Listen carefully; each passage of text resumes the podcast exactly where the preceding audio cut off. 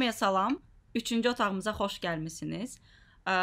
Bu gün qonağımız var. Yenə qonağımızla bir yerdəyik və biz hal-hazırda 3 fərqli ölkədəyik. Mən Amerikadayam, Gül Azərbaycandadır və qonağımız Serbiyadadır. Amma qonağımız haqqında danışmaqdan əvvəl mən istərdim kiçik bir xəbərdarlıq eləyim.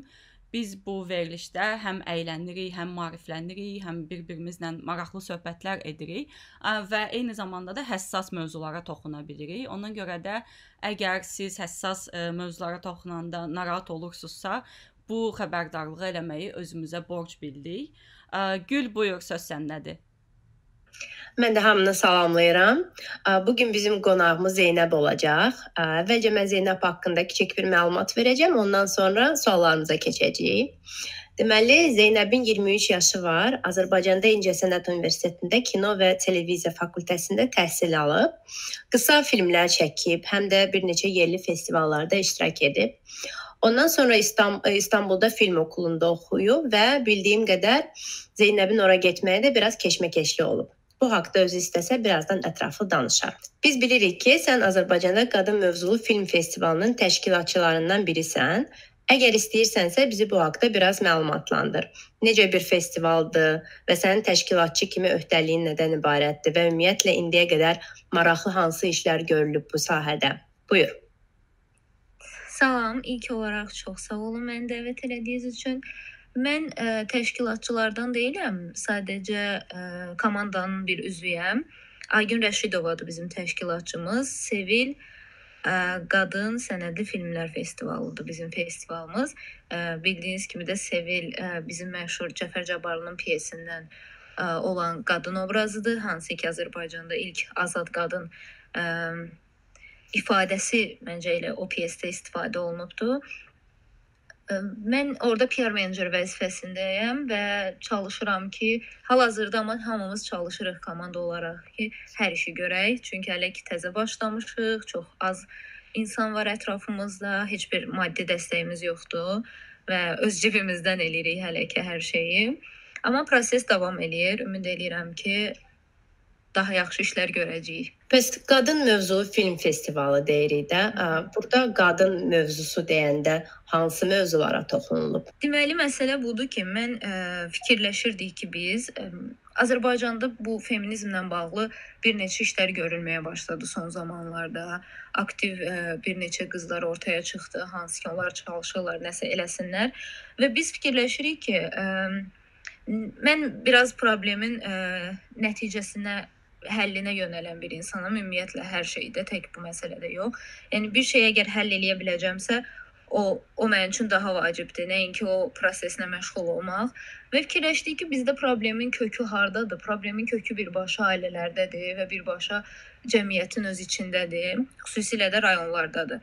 Və ona görə bizim festivalımız regionaldır. Biz Bakıda olmayacaq bizim festivalımız. Hər dəfə fərqli bir rayonda, Azərbaycanın fərqli bir regionunda keçirməyi planlaşdırırıq. Biz istəyirik ki, problemin kökü hardadırsa gedib ona çataq və problemin kökü təbii ki, sistem məsələsidir, ümumi sistemdən dəyişilməlidir. Amma əgər bunu hal-hazırda gücümüz çatmırsa və biz istəyirik ki, yavaş-yavaş özümüz alternativlər təklif eləyək və regionlara gedərək ə, qadın mövzulu filmlər seçməyə önəm veririk. Daha çox qadın mövzulu filmlər seçməyə ya da qadın rejissorların çəkdiyi filmləri seçməyə çalışırıq ki, onları nümayiş eləyək və orada biraz fərqindəlik yaradaq. Həmçinin film müzakirələri əsnasında da biz o mövzulara toxunacağıq, o mövzular haqqında danışacağıq və Bilirsiniz ki, bizdə regionlarda bu mövzular çox tabu şəklində qalıbdı hələ də. Bakıda pis, yaxşı ən azından nəsə müzakirə vardı. Çox çox əks fikirlər də olur, çox hətta təhqirlər də olur, amma ən azından nəsə var, bir müzakirə gedir. Regionlarda isə bu mövzu çox tabu halındadır və fikirləşirik ki, regionlarda biz çıxsaq bunu daha çox müzakirəyə aça bilərik. Amma ə, yəni filmlər seçilmir. Mütləq qadın rejissorların filmi olmağı məcbur deyil. Sadəcə sənədli filmlər olmalıdır və ə, əsas mövzu qadın mövzusu olmalıdır. Zeynəb, çox sağ ol. Birinci növbədə elə bu təşəbbüsünüz özü çox əhəmilidir. Yəni Azərbaycanda qadın mövzulu film festivalı keçirmək təşəbbüs olaraq belə çox gözəl bir təşəbbüsdür. Buna görə sizi təbrik etmək lazımdır və hər cür dəstək olmaq lazımdır. Ona görə bizi dinləyən və bu festivala dəstək olmaq istəyən insanlar varsa, mütləq ə, xəbər göndərsin. Və elə sənin danışdığın bu festivalla bağlı qadın mövzuları, tabular filan bu haqqda danışmışkən biraz da otağımızın sosial problemlər hissəsinə keçməyə çalışacağam. Bu gün istəyirəm bizim bugünkü verilişimizdə biraz komplekslər haqqında danışaq. Yəni komplekslər həyatımızın bir parçası olaraq e, hər insanın kompleksləri var. Psixoloji bir prosesdir də bu. Amma ki bir də bu komplekslərin qadın olduğumuz üçün bizə yüklənən bəzi komplekslər var da və hətta belə deyərdim ki, məsələn, kollektiv komplekslər var da. Yəni var məsələn individual komplekslər, bir də var ki, ictimai komplekslər də hansılar ki, bir ə, e, kollektivin ümumi kompleksləridir də belə deyim. Buna məsələn şey misal gətirmək olar ki, tutaq ki, Almaniyada belə bir kollektiv bir travma var da ki, yəni o na Nazi ə, proseslərindən sonra bir çox almanın kollektiv utanc hissi yaranıb bir yerdə onların hiss etdiyi və bu mövzuda əslində qadınların da bir çox kollektiv kompleksləri var. Bu haqqda biraz danışmaq istəyərdim. Ə, biz Güllə həmişə bu mövzuda danışırıq. Qadınlar həmişə danışanda indi sözümüz kəsiləcək qorxusu ilə danışırıq. Biraz tələsik, biraz yarımçıq fikrimizi səsləndirməyə çalışırıq. Və belə bir şey yəqin ki, bir çoxumuz ailələrdə görmüşük də ki, qadın nəsə danışanda, belə uzun-uzun bəzəyə-bəzəyə danışanda həmişə kişi tərəfindən tez ol, mətləbə keç, qısa danış ə, e, sözləri işlənilir və ə, e, bunun ə, e, dərinində əslində yatan səbəbin seksizm olduğunu düşünürəm. Hətta bu haqqda ə, feminizm teoriyasında belə bir ə, termin var. Bunu ilk dəfə feminist ədəbiyyata Rebecca Solnit gətirib. Mansplaining, yəni explaining başa salmaqsa, mansplaining, yəni kişinin başa salmağı kimi bir ifadədir. Hardasa ağıl vermək deyə bilərdik, amma ağıl vermək belə də seksist bir şey deyil, yəni qadın qadına da ağıl verə bilər. Yəni Azərbaycan dilində tam mansplainingin bir qarşılığı yoxdur. Düşünüb tapmaq lazımdır. Mansplaining nədir? Səs tonu, bədən dili, istifadə olunan ifadələr, avtoritar, aşırı özündən razı danışıq modeli və bu ümumiyyətlə Azərbaycanda var. Biz bu gün hətta e, günlə bu haqqda danışırdıq ki, bizdə belə bir kompleks var da, yəni ki O özü də çünki bir kompleksdir də. Yəni sən bir şey ə, e, danışırsansa, bir şey haqqında fikir bildirirsənsə, bizdə belə bir şey var ki, yox, ey, mən bilən düzdür. Sən nə bilirsən ki, danışırsan? Və ona görə də bun, bundan ə, ortaya bizim hamımızın ortaq kompleksimiz gəlir. Axıcı nitqə sahib ola bilməmək, səlis danışa bilməmək və özümüzü ifadə edə bilməmək kompleksi və bunu da aşmağın yolu məncə çoxlu-çoxlu danışmaqdır, çoxlu-çoxlu fikir ifadə eləməkdir və əslində həmişə deyirik bu podkastın da səbəbi burada qadınların rahat danışa biləcəyi bir platform olmaqdır. Hə, yəni mansplaining mən deyən olacaq, bilmirsən sus, başa düşdün, nədir, nə bilim, bilmədiyin şey danışma, elə deyil tipli ifadələrdən gələn şeydir də, belə deyim. Əlinin xəmiri ilə kişi işinə qarışma. Hə, ay sağ ol. Belə bu tip yəni həddən artıq çox fikirlər var. Ə, və bu bizdə danışmaqdan çəkinmək kompleksi yaradır. Yaxşı, bəs ə, bundan başqa istəyirsiniz gəlin bu haqqda fikirlərimizi bildirək ki, bundan başqa hansı komplekslər var bizdə ki, məhz qadın olduğumuz üçün onlar bizə yüklənib uşaqlıqdan və siz bu komplekslərlə necə mübarizə edir, aparırsınız? Deməli, mən ə, özümdən nümunə göstər göstərməyəcəm. Çox maraqlı bir nümunə deyim sizə. Bu yaxınlarda qarşıma çıxdı. Ə, YouTube-da bir Azərbaycanlı qız var. Leyla xan Əhməd səhv eləmirəmsə, ə, Amerikada yaşayır və YouTube üçün kontent hazırlayır. Və o qızın videolarına baxdım. Onun videolardakı əsas göstərmək istədiyi sən qadın olsan da bacararsan, sən patriarx ailədə böyü böyümüş ola bilərsən, o ölkədən çıxmış ola bilərsən, amma yenə də bacararsan və bir növ qadınlara belə motivasiya, sən azadsan, heç bir stereotipə girməyə ehtiyacın yoxdur. Bu tip mesajlar verir və mən həmən YouTube videosunun şərhində bir e, bir nəfərin yazdığını gördüm ki, yazıb ki, Çox bəyəndim sizi. Əsl Azərbaycan xanımına layiq e, geyimdə, görünüşdə. Siz nə bilim danışıq tərziniz və bu mənə çox gülməli gəldi. Çünki e, qız göstərməyə çalışır ki, girməyin stereotipə və danışdığı şey tamam fərqlidir. Amma bizim ə, e, cəmiyyətdən insanlar yenə də ona baxanda ilk ağıllarına gələn o qızın geyimi çox xanım xatındır, ə, e, saç düzümü çox xanım xatındır. Bizim o xanım xatın şeyi var axı. Gözlənti var bizdən ki, biz xanım xatın olmalıyıq mütləq. Məndə olub uzun müddət, nə bilim, oturanda belə oturma, e, geyim məsələlərində bunu geyinmə, onu geyinmə, o açıqdır. Amma onların hamısını yavaş-yavaş özüm özümü xilas eləməyə çalışmışam. Amma məsələn indi deyim ki, indi mənim həyatımda mənim geyimimə qarışacaq heç kim yoxdur. Amma bu məndə hələ də kompleks qalıb və mən məsələn indi azad olmağıma baxmayaraq yenə də mən açıq geyinə bilmirəm.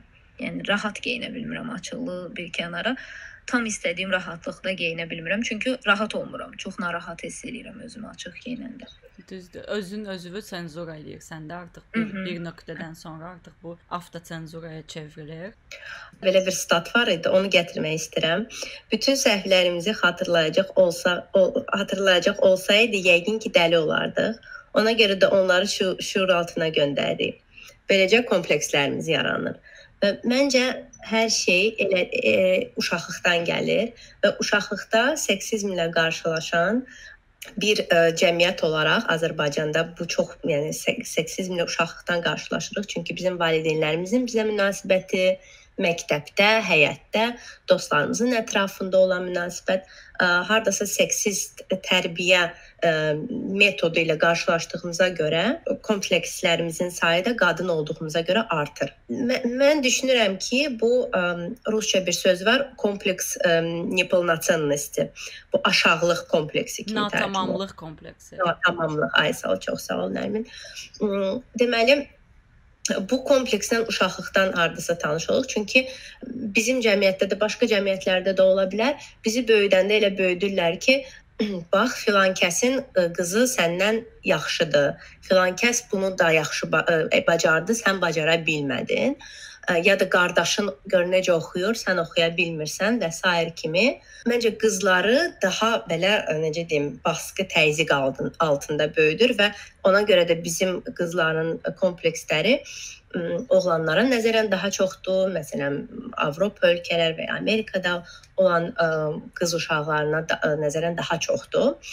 Mən Azərbaycanda və özümdə bu kompleksi ə, yəni çox görürəm. Yəni həmişə kiminləsə müqayisə olunmaqdan ə, belə bir ə, kompleks yaranır və hardasa indi artıq 30 yaşıma gəlmişəm, bundan qurtulmağa çalışıram və əlbəttə ki, mən ə, müxtəlif ölkələrdə təhsil almışam, orada yaşamışam, oranın ə, cəmiyyətinə adaptə olmuşam və bu məni çox dəyişib və insan olaraq çox ə, inkişaf etdirib.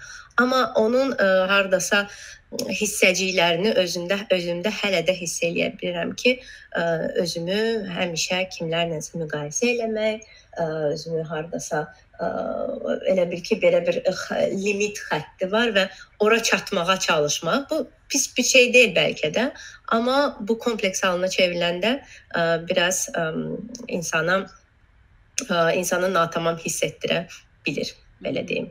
Hə, mən məsələn bu məişət kompleksləri yadıma düşdü indi siz danışanda ki, o hələ də e, mən də bayaqdan qulaq asdıqca fikirləşirəm, məndə nə qalıb da hələ də. Məsələn o yadıma düşdü ki, məsələn evdə nənəmin mən bütün travmalarımın səbəbi mən çox sevirəm nənəmi. Hə, onun məsələn o şeydə ki, tutaq ki, qonaq gələndə ev təmiz olmalıdır ya da məsələn yeməklə, mətbəxlə bağlı şeylər. Məndə hiss edirəm ki, mən o qədər o məişət təzyiqi ilə qarşılaşmışam ki, hardasa nənəm tərəfindən də. Məndə buna avtomatik belə qarşı bir şey yaranıb da. Yəni yeməyi bişirmək istəməmək, tutaq ki, e, məsələn evə qonaq gələndə mən hiss edirəm ki, mən onu artıq o patlarını davam elətdirirəm də. Artıq avtomatik düşünürəm ki, indi evə qonaq gəl tez təmizləməliyəm ortalığı. Sonra deyirəm ki, yox da, yəni məcbur deyilsən də təmiz, onsuz da ortalıq təmizdir və yaxud yəni sən yaşadığın, olduğun insansan da. Yəni burada ekstra stressə düşməyə lazım deyil. Hə, yəni məntiqən bunu başa düşürəm, amma hardasa bu artıq bu məişət təzyiqləri mənim içimə işləyibmi, işləyib? Məndə məndə Nərmin sən deyənin tam əksi olubdu. Ə, bu məndə əks təsir yaratmayıb, əksinə vərdişə çevrilib. Çünki biz məsələn kimin evinə qonaq gedirdik. Atam mənə göz qaş eləyirdi ki, dur qabları yu dur kömək elə.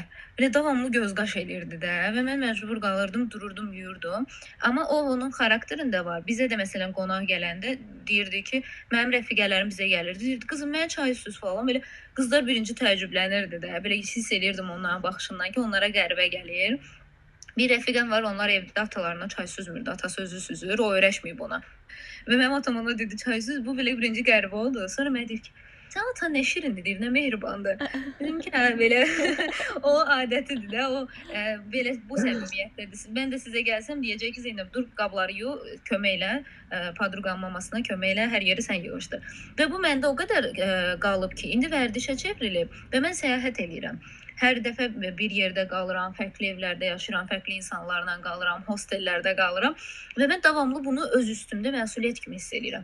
Harda yemək yeyirəm, mən duram, qabları yuyuram. Hamı mənə hirslənir ki, eləmə də. Qab yuyan var, yenə mən deyirəm ki, yox, mən əlimdə yuyacam, narahat olmayın. Hosteldə, hosteldə hər kəs öz qabını yumalıdır. Yəni bu hostellərin qaydasıdır. Mən hamının qabını yuyuram. Sonra gəlirlər ki, bütün qablar yuyulub. Hamı mənə deyir ki, niyə yuyursan? Və onlar və çox qəribə baxırlar. Xaricilər vəbşə çox qəribə baxır. Türklər yenə öyrəşir. Biraz sonra onları başa düşür deməli. Amma xaricilər çox qəribə baxır ki, sən niyə yuyursan da bizim qablarımızı? yəni həqiqətən indiki belə deyim də, reallıqda mən təsəvvür edə bilmirəm ki, sən kimsə evinə qonaq gəz və gedib qabları yuyursan da. Mənə artıq absurd gəlir, amma düz deyirsən ki, yəni bizim böyüdüyümüz cəmiyyətdə bu norma idi da, belə bir norma var idi. Və mən əslində bunu necə oldu sevməyə başladım. Bizdə evdə həmişə çox qonaq olurdu. Və onların həmişə qabları mən yumalıyam da təbii ki. Və dəhşət çox idi qablar. Və bir bir yerdən sonra mən gördüm ki, mən o qonaqlarla, o çox səs-küydə, o insanlarla kontakta girə bilmirəm. Çünki açığı bilirsiniz necə oldu? Mən ə, müəyyən yaşa qədər universitetə hazırlaşdım, normal standart Azərbaycanlı həyatı yaşadım. Universitetə qəbul olandan sonra həyatımda biraz keçid nöqtəsi yaşadım bəzi problemlər oldu. Problemlər özü məni itələdi ki, mən başladım kitab oxumağa, özümə daha çox qapanmağa. Xarakter olaraq dəyişmədim. Çox introvert, ə, ə, çox ekstrovertəm, amma ə, kitab oxumaq məni dəyişdirdi. Və mən yavaş-yavaş o ə, Gregor Samsaya çevrilməyə başladım və başa düşdüm ki, o evdə artıq özümü yad hiss eləyirəm. Əvvəlki kimi dialoqa girə bilmirəm və o qab yumaq məni o söhbətlərdən xilas eləyirdi. Mənim saçma ilişənlərdən, mənim görüntümə, Zeynəb bütün gün otağında kitab oxumağa, geyinməyə fikir ver, qızsan, oğlan kimi geyinmə, saçın niyə belədir falan filan. Bunlardan qaçıb kuxnaya girmək və qab yumaq xoşuma gəlməyə başladı ki, hə, ən azından dialoqu kəsirəm də o insanlarla. Bəlkə də ona görə vərdişə çevrildi məndə. Burdan və sənin bayaq ə, verilişin başında danışdığımız kino fəaliyyətindən yola çıxaraq mövzunu ə, yeni çəkməyə başladığın sənədli filmə gətirmək istəyirəm. Biz əslində səni bu filmin anonsu ilə tanıdıq. Instagramda ə, bir neçə dostum ə, sənin filminin anonsunu paylaşandan sonra mən girdim, baxdım və çox xoşuma gəldi belə deyim də, bel çantası ilə səyahətə çıxan buruqsaç qızın hekayəsi və travmalarını, komplekslərini gəzdikcə qarış-qarış silməyə çalışan bir qız. Onsuz da bu anonsa baxan insanlar bilir mən nədən danışıram. Amma ə, sənin öz seçimindir. Bu haqqda danışmaq istəsən danışmağa, yəni açıqsan, bu platforma tamamilə azad olub öz fikrini ifadə edə biləcəyin bir platformadır.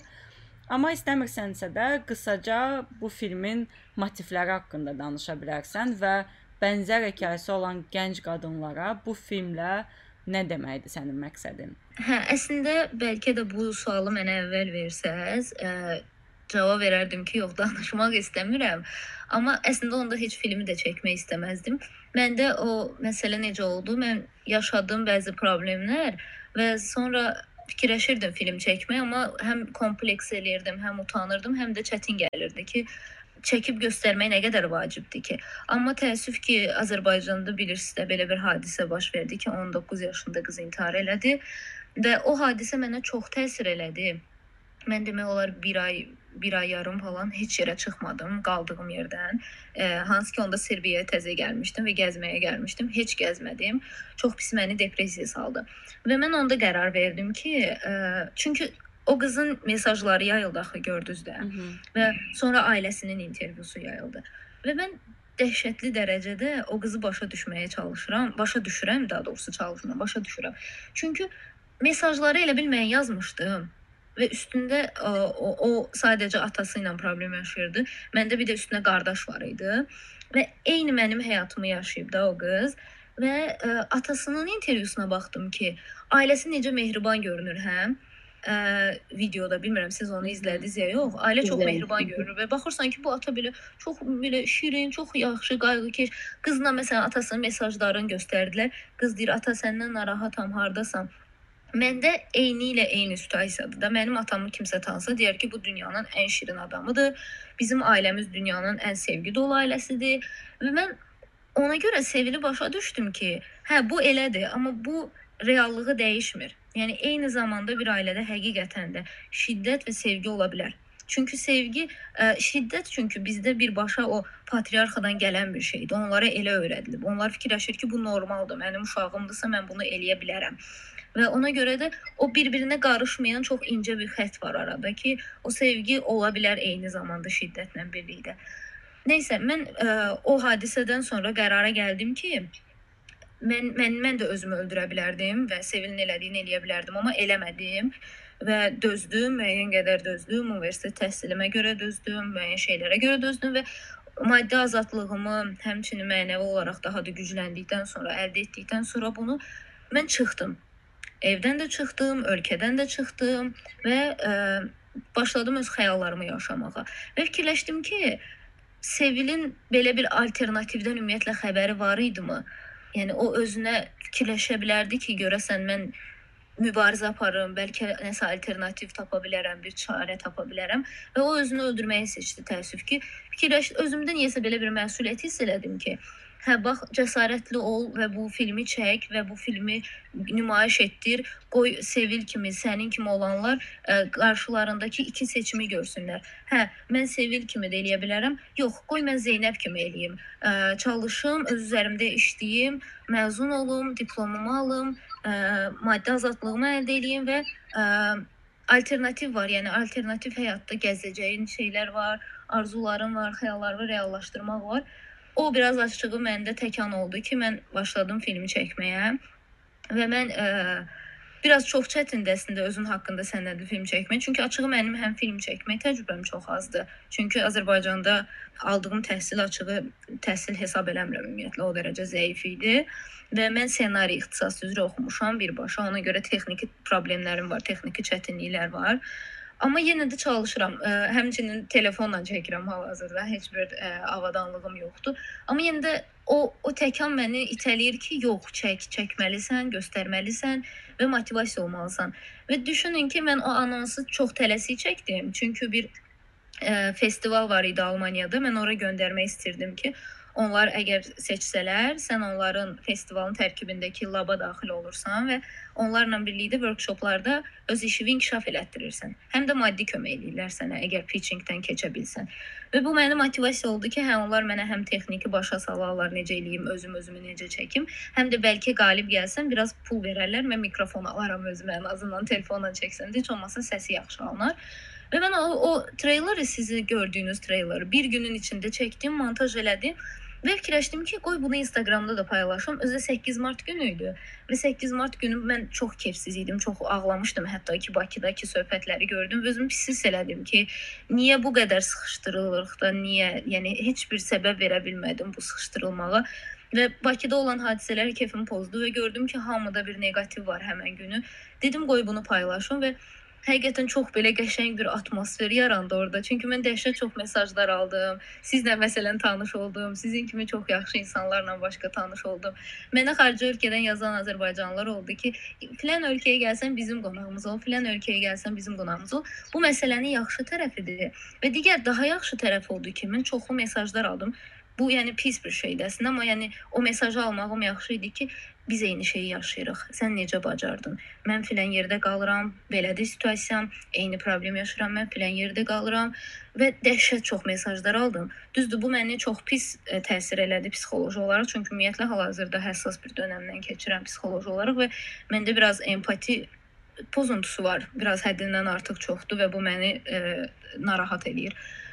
Və mən çalışdım ki, hə onlara yazım, kömək eləyim, motivasiya olum, nə bilim təhsillə bağlı nəsə kömək eləyə bilirəmsə, psixoloji yardımla bağlı nəsə kömək eləyə bilirəmsə və gördüm ki, hələ treylerdə mən çatdım. Bir neçə qıza çatdım və bir neçə qız mənə yazdı ki, hə biz də özümüzü öldürmək istəyirik, nə bilim bizdə də belə şeylər var. Və mən onlarla danışa-danışa hələ də mənim onlarla mütəmadi əlaqəm qalıb və görürəm ki, o dəyişikliyi hiss eləyirəm. Çox cüzidir, çox yavaş gedir. Amma hiss eləyirəm və bu məni çox xoşbəxt eləyir, həm də motivasiya verir ki, mən filmə davam eləyim bütün çətinliklərə baxmayaraq.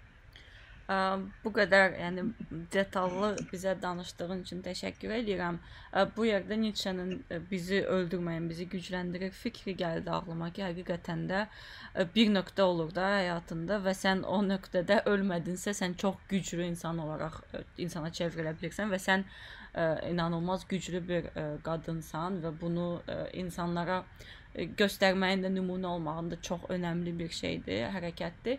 Bəs sən gücü nədə tapdın? Yəni ki, sən başa düşəndə ki, mən belə yaşamaq istəmirəm, mən həyatımı dəyişmək istəyirəm. Sənin gücün, sənin arzun oldu, ən böyük arzuların. Necə oldu ki, sən güclü oldun? Məsələn, özün bu suala cavabın varmı? Bir də ki, məsələn, bu yaşadığın travmalardan sonra hər hansı bir psixoloji dəstək alırsanmı özün? Yəni sən həm belə şeylər yaşamısan, həm də özün deyirsən ki, başqa insanlara da psixoloji kömək olmağa çalışıram. Bəs sənə kömək edənlər varmı? Hə, deməli məsələ belədir ki, mən ə, bu gün biraz çox danışacağam, üzr istəyirəm. Biz sevinərik sən çox danışsan. heç heç vaxt açıqlamadığım, yəni heç çox çox az tanışlarımı, məni belə çox yaxından tanıdığın tanıdığın sanan insanların belə bilmədiyi bəzi şeylər var. Ə, və onu məsələn bu gün danışmaq istədim. Çünki həqiqətən o dönüş nöqtəsidir də. Mən universitetə qəbul oldum və həyatımın dəyişdiyini hiss edirəm. Çünki uşaqlıqdan gəncliyə keçmişəm və sevinirəm ki, hə, mən artıq bir universitet tələbəsiyəm. Arzusunda olduğum fakültədə oxuyuram və arzusunda olduğum işə çox yaxınlaşıram. Və belə oldu ki, mənim 18 yaşım var onda. Sadəcə Facebook istifadə eləməyə başladım. Çünki təzə universitetə girmişəm də həvəsliyəm. Ə, və bunu qardaşım öyrəndi və mənim çox uzun saçlarım var idi. Onu kəsdi. Mən çox çox böyük fiziki şiddətə məruz qaldım və bu çox uzun müddət davam elədi. Ə, və mən cəzalandırılıb evə qapadıldım. Hətta universitetdən çıxarılma təhlükəm var idi. Mən gedib dekanla gizlincə danışıb yalvarmışdım ki, sizə desələr deyin ki, yoxdur, o olmaz falan. Dedi ki, onsuz da olmaz, yəni dedi. Dedi polis qatarı işə heç kim səni universitetdən çıxara bilməz, narahat olma. Və yəni o dərəcə məsələ ciddiləşmişdi və sadəcə səbəb mənim 18 yaşım var. Həvəsliyəm və Facebook istifadə etmək istəyirəm. Budur. Ə, və həmin ərəfədə mən evə qapadıldım. Uzun müddət heç yerə çıxa bilmədim və otaqdan da çıxanda məni gördükcə döyülürdüm də, yəni gözlərinə görünməməyə çalışırdım. Ona görə mən otağımda daha çox vaxt keçirməyə başladım və mən onda kitab oxumağa başladım ilk dəfə. Yəni ona qədər ancaq abituriyent kitabları oxumuşam, amma ədəbiyyata marağım var idi. Ümumiyyətlə universitetə qəbulda da ən çox yazdığım ədəbiyyat idi, full yazmışdım. Amma ə, onda belə əsl kitab oxumaq marağı yarandı və ondan sonra ümumiyyətlə həyatımın dəyişdiyini hiss edirəm və bayaq dediyin o səni öldürməyən şey gücləndirər. Əsl əsl o anı təsvir eləyir də ki, həqiqətən də məsələn indi o baş vermiş hadisəyə öz həyatımda çox minnətdaram ki, okey, çox pis şeylər oldu. O yaşda o travmanı yaşamağım çox ağır oldu mənim üçün. İndi də danışanda onu belə özümü sıxıram ki, ağlamayım. Amma yenə də o çox gözəl oldu ki, mən belə tam döndüm və özümə daha çox tanıdım özümü, özüm özümlə daha çox tək vaxt keçirdim və daha çox kitab oxudum, daha çox özümü inkişaf elətdirdim və başa düşdüm ki, mən bir növ savaşın içindəyəm və mən mən savaşda biraz zəif olsam məni öldürəcəklər. Mən özümü xilas eləməliyəm və öz məqsədimin üstünə getməliyəm. Bu birinci sualın cavabı idi, o bayaq dediyin. İkinci sualın cavabı odur ki, hə mən ə, e, hal-hazırda psixoloji yardım alıram. Ə, e, Günel Muradova var. Çox sağ olsun, heç bir qarşılıqsız mənə yardım eləyir və biz ondan danışırıq yavaş-yavaş. O biraz çünki mən ə, e, təzə yaşamışam hələ bir neçə aydır bu hadisələrin baş verdiyi. Bayaq dediyim kimi o 18 yaşımda olub. Bu ümumiyyətlə ölkədən çıxmaq, o ən sonunda o sonuncu damlanın dediyimiz o daşmağı deyirlər. Onu yaşamağım bir neçə ay əvvəl olubdu. Ona görə həmin Güney xanımdan ə, psixoloji yardım alıram ki, bu travmalarla yaşamaq istəmirəm də, daha rahat yaşamaq istəyirəm. Çox çətin bir vaxt keçirmisən Zeynəb. Yəni səni qulaq asıb hər cümləni ə, e, həzm eləməyə çalışdım. Əminəm ki, dinləyicilər də səni dinlədi və empatiya qurmağa çalışdılar ki, çox çətin bir şeydir belə bir ə, e, belə bir hekayəni eşidib, sənin hekayəni eşidib empatiya qurmaq çox çətindir. Belə bunda öz belə bir güc tapmısansa, doğrudan da sənə halal olsun və bundan sonraki həyatında hər şey istədiyin kimi olsun, olmalıdır. Çox sağ ol. Bəs Zeynəb, səncə Azərbaycanda ailə içi şiddət niyə niyə bu bu dərəcədə yayılıb?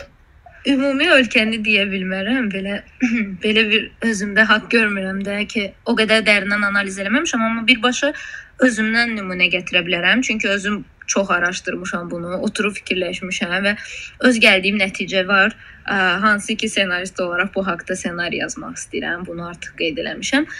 Məsələn, bizdəkinin səbəbini deyim ki, şiddət yox, daha doğrusu burada məsələ necədir? Müdafiə oluna bilməməyin əslində səbəbi var. Mənim məsələn anam ailə həyatı qurub ə, və təbii ki, bir qadın olaraq onun da arzuları var idi ki, ailə həyatı quracaq, qarşı tərəf onun qayğısına qalacaq falan filan.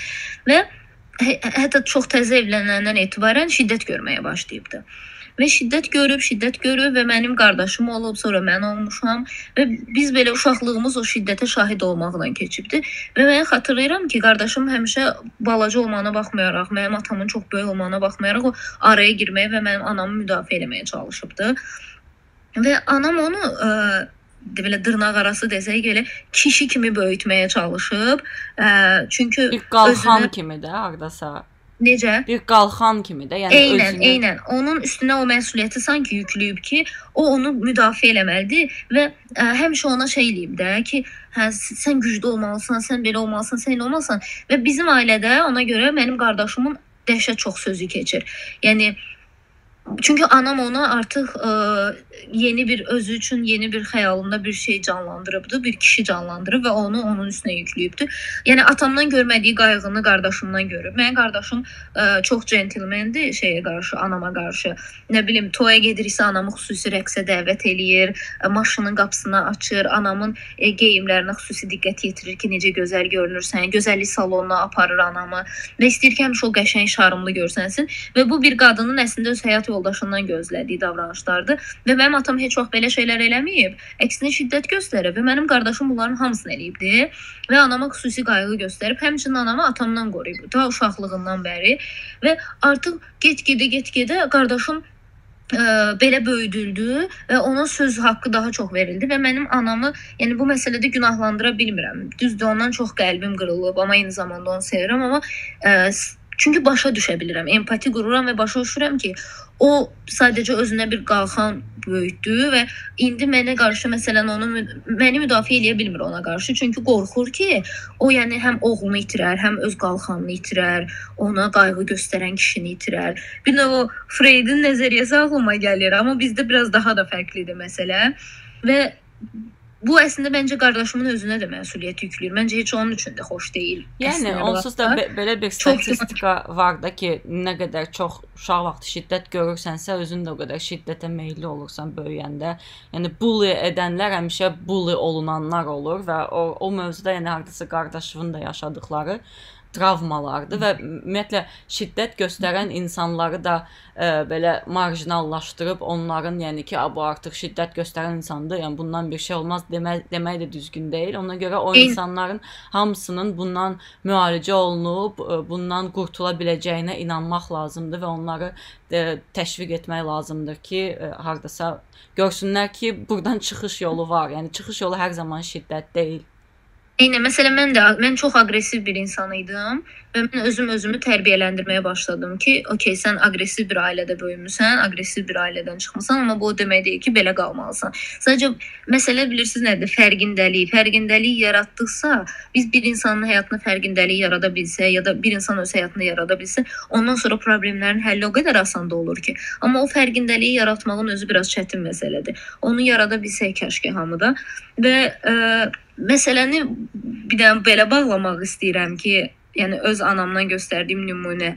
Əgər bizə qulaq asan qadınlar, qızlar varsa, demək istəyirəm ki, ə, bunun birbaşa səbəbi sevgi istəyidir, qayğı istəyidir və qadın dediyim kimi bunu görmədiyi üçün həyat yoldaşına bunu oğluna yükləyibdi. Amma biz qadın olaraq özümüz özümüzü kifayət qədər sevgi göstərsək, qayğı göstərsək, ə, bəlkə də ehtiyac duymarıq başqalarına bu qədər edər və başqalarına ehtiyac duymamağımız da belə böyük problemlərlə nəticələnməz. Məncə çalışmaq lazımdır hamımız özümüzü sevəyən birinci.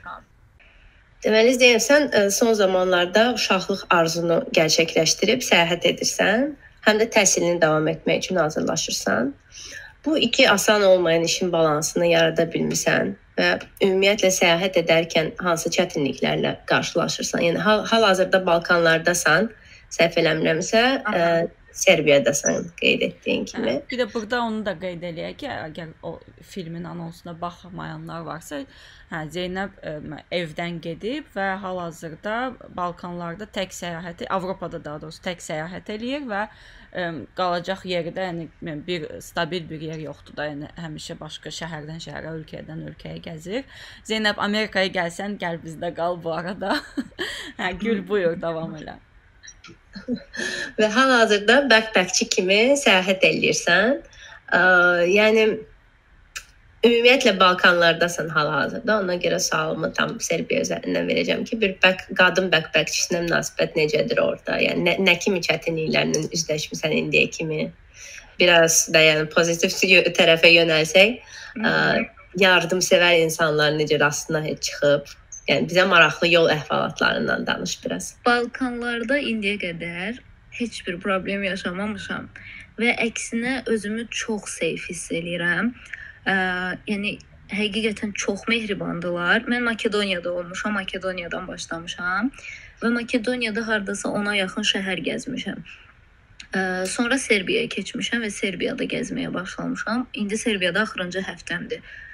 Harika bir not verim ki, e, Zeynəbin çox maraqlı e, YouTube kanalında çox maraqlı e, Makedoniya haqqında videoları var, qısa filmi var, onu izləyin. Bu gün də Serbiyanı çəkmişəm. Bu yaxınlarda o da olacaq. Aha. hə, deməli, ə, məsələn birini danışım ki, mən ə, məni yoldan bir nəfər götürdü qısa danışmağa çalışacağam. O çox pis ingiliscə danışırdı, amma çox mehriban bir adam idi, yaşlı bir adam idi. Və o məni götürdü və dedi ki, hara gedirsən? Mən dedim, bu şəhərə dedi, ora maraqsızdır da. Mən getdiyim şəhərə gəlsən aparım. Onsuz da yolun üstüsən. Dedim, hə, yaxşı. O məni apardı bir antik şəhərə və mən İzmirdə getmişdim bir dəfə, amma içinə girə bilməmişdim, bahaydı deyə. Və bu dəfə ilk dəfə içinə girəcəkdim deyə çox xoşbəxt idim. Antik şəhərin içinə girdik. Gəzməyə başladıq və mən çox həyəcanla qışqırmağa başladım ki, mən buranı tanıyıram. Və o həmin məkan Emir Kusturicanın ə, e, Qaraçılar zamanı filmi var. Bilmirəm baxmısınız yox. Time of Gypsy. O filmdə çox məşhur bir toy səhnəsi var, hansı ki baş qəhrəman gəlib əlində bıçaqla. O səhnə orada çəkilib və mən onu dedim ki, deyir ki, hə sən bunu hardan bilirsən? Dedim ki, bəs mən film təhsili almışam, filmlə maraqlanıram. Əslində Balkanlardan başlamağımın səbəblərindən biri də budur ki, mən belə Emir Kusturicanın filmlərindən sonra bura xüsusi marağım yaranıbdı. Ə, həmin o O məni ora apardı, muzeyə girdik, gəzdik, dolaşdıq. Oradan növbəti şəhərə getdik, hansı ki, o dostu ilə görüşəcəkdi. Hətta birlikdə yemək yedik, oturub onun dostu gəldi və çox mehriban adam idi. Sonra mənə deyir ki, avtostop eləmə deyir, qızsan deyir təhlükəli ola bilər təksən. Deyirəm ki, bəs olmaz da. Mən belə yola çıxmışam. Görsən səndən gəldim, heç olmadı. Yox, yox, deyir, mən narahat qalacağam səndən. Gəl mən səni aparım avtovağzala, deyir, bilet alım, sən get. Məni apardı avtovağzala və avtovağzaldakı qadına deyir ki, burdan indi bunu Azərbaycandan göstərim, daha rahat olsun şəhərlər. Məsələn, Bakıdayıq. Deyir ki, burdan Şəkiyə, Şəkidən Balakənə, Balakəndən Zaqatala. Oradan da geri qayıdış deyir, şey var, deyir, bileti var. Qadın da deyir ki, yox, təbii ki, bizdə belə belə bilet yoxdur da. Deyir ki, hə, onda burdan Şəkiyə ver. Bəsdir. Şəkiyə aldı bilet. Sonra mənə çıxartdı nə qədər pul zorla verdi ki, xahiş edirəm götür də bunu. Və belə o pulu zorla verdi ki, hamısını avtobusla get. Avtostop eləmə safety. Təbii ki, mən avtostop eləyib o pulu saxladım. Mən hostelə xərclədim, yoxsa gecə qaranlıqda bilmirəm harda qalacaqdımsa. Elə bil ki, təsadüfən o yaxşı belə qarşılaşma oldu. Sonra mən Qayıtdım paytaxta. Biz təzədən görüşdük adamla. Daha doğrusu görüşmədik. Mən yazdım ki, mən iş axtarıram. Çünki bayaq verdiyiniz sualın cavabı burada var ki, səyahət eləyə-eləyə ə, hazırlaşmaq biraz çətindir açığı, xüsusilə də maddi baxımdan. Çünki mən IELTS almalıyam və IELTS bilirsiniz də qiymətləri necə bahadır kursların. Və mən gördüm ki, mən gəzirəm amma ə, eyni zamanda təhsil təhsil almaq istəyirəm axı. Və dedim ki, okey, biraz qalım burada işləyim və ə, pul yığım IELTS-a başlayım. Və mən ə, orada qərar verdim ki, biraz qalım və iş axtarmağa başladım. Ona yazmışdım ki, iş axtarıram. Sonra biraz keçdi, mənə dedi ki, bəs mən sənə iş tapa bilmirəm, dili bilmədiyin üçün Makedon dilini. Çünki orada yəni yerli əhali ilə dil bilmək lazımdır da danışmaq üçün. Sonra mən dedim ki, narahat olma, mən kofe shopda işləməyə başladım, kofe düzəldirəm. Və o qızını götürüb, qızı məndən yaşıdı idi. Gəlmişdi kafeyə, həmin kafeyə və başladı belə çoxlu kokteyllər, kofelər almağa, hansı ki, onun normalda bir insan içə bilməz də. Dəhşət çox alırdı ki, sadəcə mənə yardım eləsin. Və bu həqiqətən sadəcə biridir və oxşarı minlərlə şey yaşamışam ki, bu insanları belə dəhşət çox sevməyə başlamışam. Düzdürsən, mənim də yadıma düşdü ki, o Avropaya insan gələndə hardasa biraz bu şey hiss olur da bizdə ki, a, burada hər şey yaxşıdır, burada mən heç bir təhlükə ilə qarşılaşa bilmərəm. Yəni mən məsələn yadımdadır Pari Parisdə həmin ona bənzər bir şey yaşamışdım. Rəfiqəmlə biz çatdıq hansısa bir e, Parisin balaca bir şəhərciyinə, belə deyim. Qatarla düşdük oradan və gecə idi də, gecə artıq 12-ni keçirdi. Biz orada bir bir Azərbaycanlının evində couchsurfing eləyəcəkdik, heç tanımadığımız biri. O gəlib bizi götürəcəkdi oradan.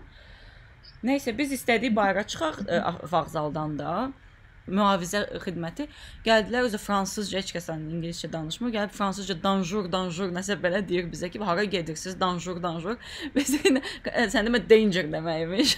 biz də deyirik, yəni nə problem yoxdur deyirik, biz burada gözləyəcəyik. Yox, çıxmayın da, siz tanımırsınız. Yəni məhz bu məhəllədə bayıra çıxmayın. Və orada da elə bil ki, biz son qatarla gəlmişdik, bağlanırdı avtovağzal, e, vağzal, sorry. Hə, o adam bizi götürdü vağzalın içində bağladı, qapını belə açarla o qapıları bağladı və bizi orada saxladı ki, o adam gəlmədən mən sizi buraxmayacağam da burdan, çünki çox təhlükəli bir rayondasınız. Yəni elə şeylər görəndə başa düşürdüm ki, hə də, yəni ki, bizdə də hardasa Avropa haqqında belə bir ə, pozitiv bir düşüncə var ki, yəni orada belə təhlükəli deyil, qadın olaraq orada rahat azad gəzə bilərsən. Əlbəttə ki, ə, elə bir şey yoxdur. Yəni qadın olaraq dünyanın hər yerində sən hər zaman bir təhlükə ilə qarşılaşa bilirsən. Ə, və bu bu hekayə yadıma düşdü. Amma yəni ki, bir yandan da eyni vaxtda da sən dediyin kimi həmin o avtovağzaldakı o adam kimi elə adamlar da həddən artıq çox qarşıva çıxır və çox insan sənə kömək eləməyə çalışır. Amma bunu bir də bir şeyə bağlamaq istəyəcəm. Ə, mən səyahətlə bağlı kitablar oxumağı çox sevirəm də və Alan de Botton'un The Art of Travel, səyahət sənəti belə deyim, kitabı var. Çox sevirəm o kitabı. Orda məsələn ə, şeydən danışır, tək səyahət etməyin pluslarından danışır.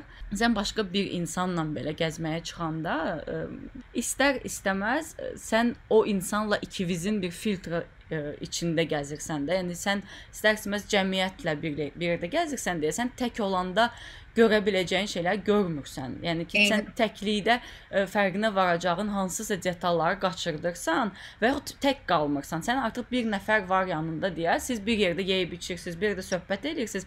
Sən o xa ə, xalqla da söhbət eləmə imkanını tapmırsan da. Yəni kim kafedə dostu ilə oturan yerdə gedir başqası ilə danışır. Amma sən təksənsə, sən məcbur qalırsan hardasa o insanlarla bir kommunikasiya halında və belə xalqın içinə qarışa bilirsən də və bu bu tərəfdən həqiqətən həqiqətən tək səyahət etmək çox gözəldir. Ə, sənin təcrübən də necədir? Yəni tək səyahət etməklə bağlı e, nəyi sevirsən, dediyini... nəyi sevmirsən, belə deyim. Bu, bu kitabı oxumamışam, amma eyni bu dediyini bir neçə həftə əvvəl dostlarıma dedim. Dedim ki, tək səyahət eləməyin avantajıdır. Çünki mən biraz tək hiss eləyirdim, darıxırdım onlar üçün. Çünki sevdiyim adamların hamısı məndən uzaqdadır. Ə, və biraz darıxmaq hissi keçirtdim, amma eyni zamanda dedim ki, amma tək səyahət eləmək xoşuma gəlir. Çünki tək səyahət eləyəndə daha çox insanla tanışmaq şansın olur. Məsələn, sənin tək olduğunu görüb sənə yaxınlaşırlar, söhbət eləyirlər. Ə, ya da ki, avtostop eləyəndə bir nəfəri götürmək insanlara daha rahatdır, nəinki çox adamı götürmək. Bu da işə yarayır. Məsələn, məndə olub ki, yan masadan mənə nəsə göndəriblər dəfələrlə olubdu və bu birinci dəfə mən çox qəribə olmuşdum. Çünki ə, fikirləşirdim ki, görəsən davamı necə gələcək də. Çünki biraz açığı türk seriallarından gözləntim bu deyildi. Və o qədər belə çox xoş oldu mənə ki, mənə yan masadan nəsə göndərildi ə, və mən qəbul elədim. Sonra mən yeməyimi yedim, qalxdım və mən hələ də başa düşmədim ki, o hansı masadan gəlmişdi ki, mən ona bir təşəkkür eləyim. Yəni o qədər mən orada heç narahat edilmədim də. Təmənnasız hardasa kömək, Yo, se yo, yo. sevgi Məqsəd, paylaşım. məqsəd kömək deyildi, çünki mən backpacklə deyildim. Mən çox belə səliqəli geyinmişdim. Heç bəlkə də ə, bilinmirdi ki, mən turistəm. Aha. Ə, sadəcə belə oturmuşam kafedə yemək yeyirəm. Əşyalarım falan hosteldə idi. Sadəcə Balkanlarda belə bir ümumiyyətlə adət-ənənə var. Ümumiyyətlə kişilər çox centlmendir, həddindən artıq və onlar jest eləməyi sevirlər və bunu ə, qarşılıqsız eləyirlər. Həqi həqiqətən sonra səndən narahat eləmirlər. Çünki ilk dəfədə mən çox qıcıqlanmışdım. Çünki fikirləşirdim ki, şeydir. Nə oldu deyə bir dənə tək qız görən kimi o dəqiqə məni oradan nəsə göndərməyə çalışırlar. Əsəbləşmişdim. Amma sonra görmüşdüm ki, adamlar çox centlmendir və bunu heç sənə bildirmirlər də, heç hiss elətdirmirlər. Mən çıxana qədər gözlədim, gözlədim. Heç kim mənə baxmır ki, mən təşəkkür edeyim. Axırda mən hesab öz hesabımı verəndə ofisiantdan soruşdum ki, hansı masa mənə göndərmişdi. O mənə göstərdi və mən çıxanda başımla bir dənə sağ ol elədim, belə yellədim başımı. O da başını yellədi. Və çoxlu belə və şey ümumiyyətlə tək kişilər deyildi belə bir kişi idi, bir qadın idi, uşaqlar falan var idi yanlarında. Və çox özümü xoşbəxt hiss elədim ki, nə qəşəngdir də belə bir jest eləməkləri mənə. Və çox rahat getdim. Ondan sonra rahatlıqla qəbul eləməyə başladım. Çünki başa düşdüm ki, burada ümumiyyətlə belə bir ənənə vardı. Eşitmişəm ki, Balkanlarda ümumiyyətlə porsiyalar çox böyük olur və yəqin ki, onlar paylaşmağı sevdiklərinə görə porsiyaları da böyük eləyirlər. Hə, Bu da onların mədəniyyətlərində əks olunur. Bundan başqa, yəni e, üzləşdiyin çətinliklər varsa, hal-hazırda işləyirsənmi? Yəni coffee shopda işlədiyini dedin. İndi hal-hazırda vəziyyət necədir? Orada çox az işlədim açığı, çox çətin oldu mənə və başa düşdüm ki, mən işləyib o qədər yoruluram ki, dərs oxumağa halım var məndə. Və mən ə, hazırlaşa bilmirəm də IELTS və o pulu qazanmağım boş yerə gedir. Və məsələ belə oldu ki, bizdə TV söhbətindən sonra yəqin özünüz də gördünüz ki, bizdə daha da aktivləşdi bu məsələ və biz başladıq bu haqqda narahatçılıq keçirtməyə. Biz dediyim, yəni Azərbaycanda aktiv olan ə, qadınlar, qızlar və başladı hamı bir-birinə kömək eləməyə. Mən Günel xanımı da bunun sayəsində tanıdım. Çünki Günel xanım da paylaşım eləmişdi və mənim dostlarım mənə göndərdi ki, belə problemlər yaşayan və yaxud da yaşamış qadınlar varsa, mən heç bir təmənnasız kömək eləməyə hazıram və biz elə onunla birlikdə terapiyaya başladıq. Və eyni zamanda Gülsabah xanım var idi. Language Space-də səhv eləmirəmsə kursun adı, o kursun müəlliməsidir. Və o paylaşım elədi eyni və orada Asif müəllim var. Mən onunla başladım. Hal-hazırda mən pulsuz IELTS dərsi alıram. Və bu məni çox xoşbəxt eləyir açığı. Həm də üstümə məsuliyyət qoyur ki, Zeynəb, insanlar sənə kömək etməyə çalışır, dərs oxumalısan. Super. Hə və mən həqiqətən çox xoşbəxtəm, çox özümü yaxşı hiss edirəm. Ona görə hal-hazırda o oradan ə, təhsilimə kömək alıram. Belə günlük ə, xərclərim elə olur ki, mən mən ümumiyyətlə ə, həmçinin başqa festivallarda da işçiyəm Azərbaycandakı film festivallarında. Və ə, yola çıxanda da o ərəfələrdə də mən onlayn şəkildə işlərimə davam edirdim. İndi də hərdən bəzi onlayn layihələr olur ki, mənə göndərirlər, məqalələr yazıram, balaca araşdırmalar eləyirəm. Belə ara bir pul qazana bilirəm. Ə, Amma ümumilikdə çox böyük pula ehtiyacım olmur. Çünki ya couchsurfing istifadə edirəm, ya ə, hostellərdə qalıb könüllü kimi işləyirəm ə, və pulsuz ə, qalıram orada. Əslində biraz mən ə, bir şeyin fərqinə vardım ki, mən okey, gəzmək istəyirəm, gəzmək mənim uşaqlıq xəyalımdır falan, amma hal-hazırda bundan zövq almadığımın fərqinə vardım və özüm özümə nə istəyirsən sualı verəndə ə, başa düşdüm ki, mən gəzirəm məsələn, əvvəllər mən gəzəndə nə bilim muzeylərə baxırdım, binalara baxırdım, yeni şeylər görürəm və bunlar diqqətimi çəkirdi. İndi hiss elədim ki, mən evlərə baxmağa başlamışam. İşığı yanan evlər xoşuma gəlir. Mənim ürəyim gəlir, gedir elə şeylər üçün. Pəncərələrdən evin içinə baxmaq mənim, yəni guilty pleasure dediyimiz o belə hissimdir də. Yəni mən ondan çox zövq alıram. Belə başqa insanların həyatına baxanda, yəni o roman oxumaq kimi bir şeydir ya da film izləmək kimi bir şey gəlir mənə. Çox mənə maraqlı gəlir ki, bu insanlar hal-hazırda görsən nədən danışır evin içində ya da nə bilim də görürəm hansısa insanın tutaq ki, şey otağı, qonaq otağını və bir hər detalını yadımda saxlamağa çalışıram. Bilmirəm, çox xoşuma gəlir. Belə bir deyim var da ki, başqa ölkəyə gedib ə, muzey gəzirsinizsə, siz turistsiniz. Əgər ə, evlərə baxıb insanlarla söhbət edib onlarla yemək paylaşırsınızsa, siz səyahətçisiniz və səyahət eləmək doğrudan çox çətindir. Bu bir çox insanın uşaqlıq arzusu ola bilər, amma səyahətə başlayanda məsələn Zeynəb sən özün də qeyd elədin ki, artıq başa düşürsən ki, ə, həddindən artıq çox çətinliklər var və sən hardasa planını qura bilmirsən. Sabahın necə olacağını görə bilmirsən deyə bu səni hardasa narahat eləməyə başlayır. Hmm, Amma ona baxmayaraq bu belə çox keşməkeşli bir yoldur və hər gün yeni şeylər öyrənirsən. Məsələn, evlərə baxıb, həmin işığı yanan pəncərələrə baxıb hansısa bir o anda fikir gələ bilər ağlıma, hansısa bir ə, xəyal qura bilərsən və bu hansısa ə, addımlar addımlara gətirib çıxara bilər. Hə, normalda sizin dediyiniz kimi fikirləşirəm ssenarist olduğum üçün. Yəni Azərbaycanda da elə elirdim. Evlərə baxmaq xoşuma gəlirdi. Yox, amma indi deyəndə nəzərdə tutduğum ə, ev ev istəməyimdir. Yəni Hə, o başa Ə, düşdüm. o istiliyi istəyirəm və ona ehtiyac duyuram və hostellərdə ümumiyyətlə ya da ki couchsurfing ya da ümumiyyətlə Airbnb-lərdə kimlərləsə evi paylaşmaqdan biraz yorulmuşam. Və ə, və başa düşdüm ki, ümumiyyətlə səyahətlə üst-üstə IELTS biraz da çətin olur. Və ona görə indi növbəti planım növbəti ölkəyə keçmək, ə, bəlkə iş tapmaq, bəlkə bilmirəm necəsə, ə, yəni bir evdə qalmaq istəyirəm, bir ev evə girmək istəyirəm və uzun müddət belə keçirtmək istəyirəm. Sadəcə biraz səyahətimə həm fasilə verəcəm, həm də onsuz da yeni bir ölkədə olacağam. Paralel olaraq hər həftə məsələn çıxıb haransa gəzsəm, yenə də səyahət eləmiş sayılacağam. Amma Və növbəti ölkə hara olacaq? deməyəcəm. Məsələ budur ki, məsələn gülməli tərəfi odur ki, bilmirəm. Aha. Hə. Yəni hər şey ola bilər. məsələnin. Yəni bilirəm ki, burdan bir həftəyə çıxmalıyam, amma bilmirəm hara gedəcəyimi. Bu əslində çox gözəl bir şeydir də. Yəni bunu bilməmək mən mən xoşduram. Yəni hər şey planlayanda, hər şey belə qayda qanunu ilə yaşayanda elə bil ki, yaşamırsan da, amma yaşamaq hissini mən həmişə macəralar, hə, o ma- macəra hissi insana elə bil ki, həyatda olduğu hiss etdirir və ümumiyyətlə sənin hekayəvin indi gəldiyimiz yer, yəni biz bu gün bu podkastda həm kövrəldik, həm sevindik, həm də belə həyəcanlandıq. Qaranlıq tunelin sonundakı bir işıq kimi bir hekayəm var. Amma məndən də bilirəm ki, sən bu haqqda sənədli film çəkirsən deyə istəmirəm ki, sən bütün hər şeyini bizim podkastda danışasan və qal- bir hekayə qalmasın. Ona görə biz çox böyük səbirsizliklə sənin filmini gözləyəcəyik. Bacardığımız qədər də onu hər yerdə, belə deyim də, reklam eləməyə ça- çalışacağıq və sənin o çətin hekayənin hardasa sonunun bu qədər ümid dolu, işıq dolu olması bizim hər birimizə çox böyük ümid verir və çox böyük sevinc gətirir. Sənin dediyin o nöqtəyə mən də gələcəydim ki, hal-hazırda sənin hər halda ev hissi ilə, ümumiyyətlə ev anlayışı ilə də bir belə də düşündüyün bir şey mövzulardan biridir, çatışma içindəsən də.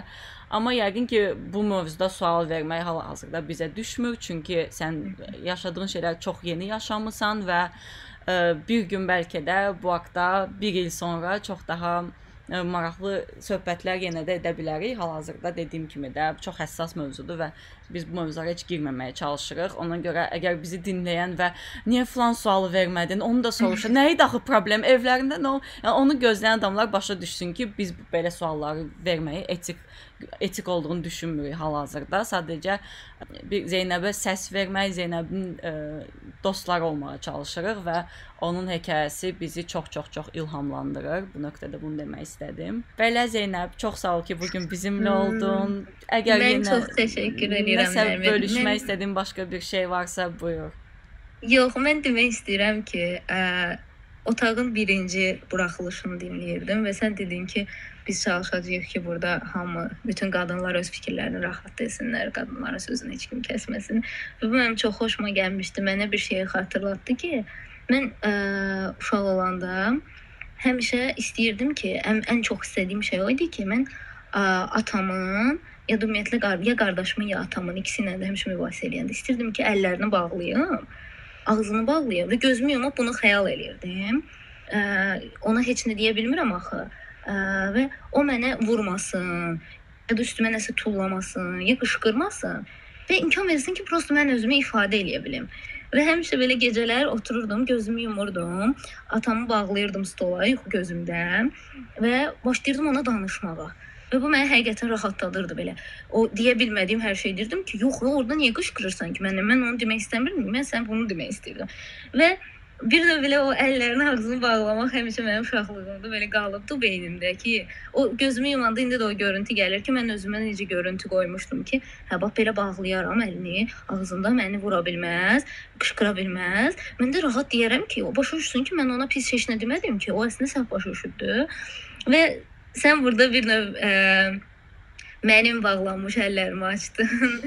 Bizim ağzımızı açmağa icazə verirsən və çox sağ olun ki, qızlar belə bir platforma yaratmısınız, belə bir şey təşkil eləmisiniz ki, biz belə özümüzü rahat şəkildə ifadə edə bilirik və həqiqətən çox yaxşı təsir eləyir.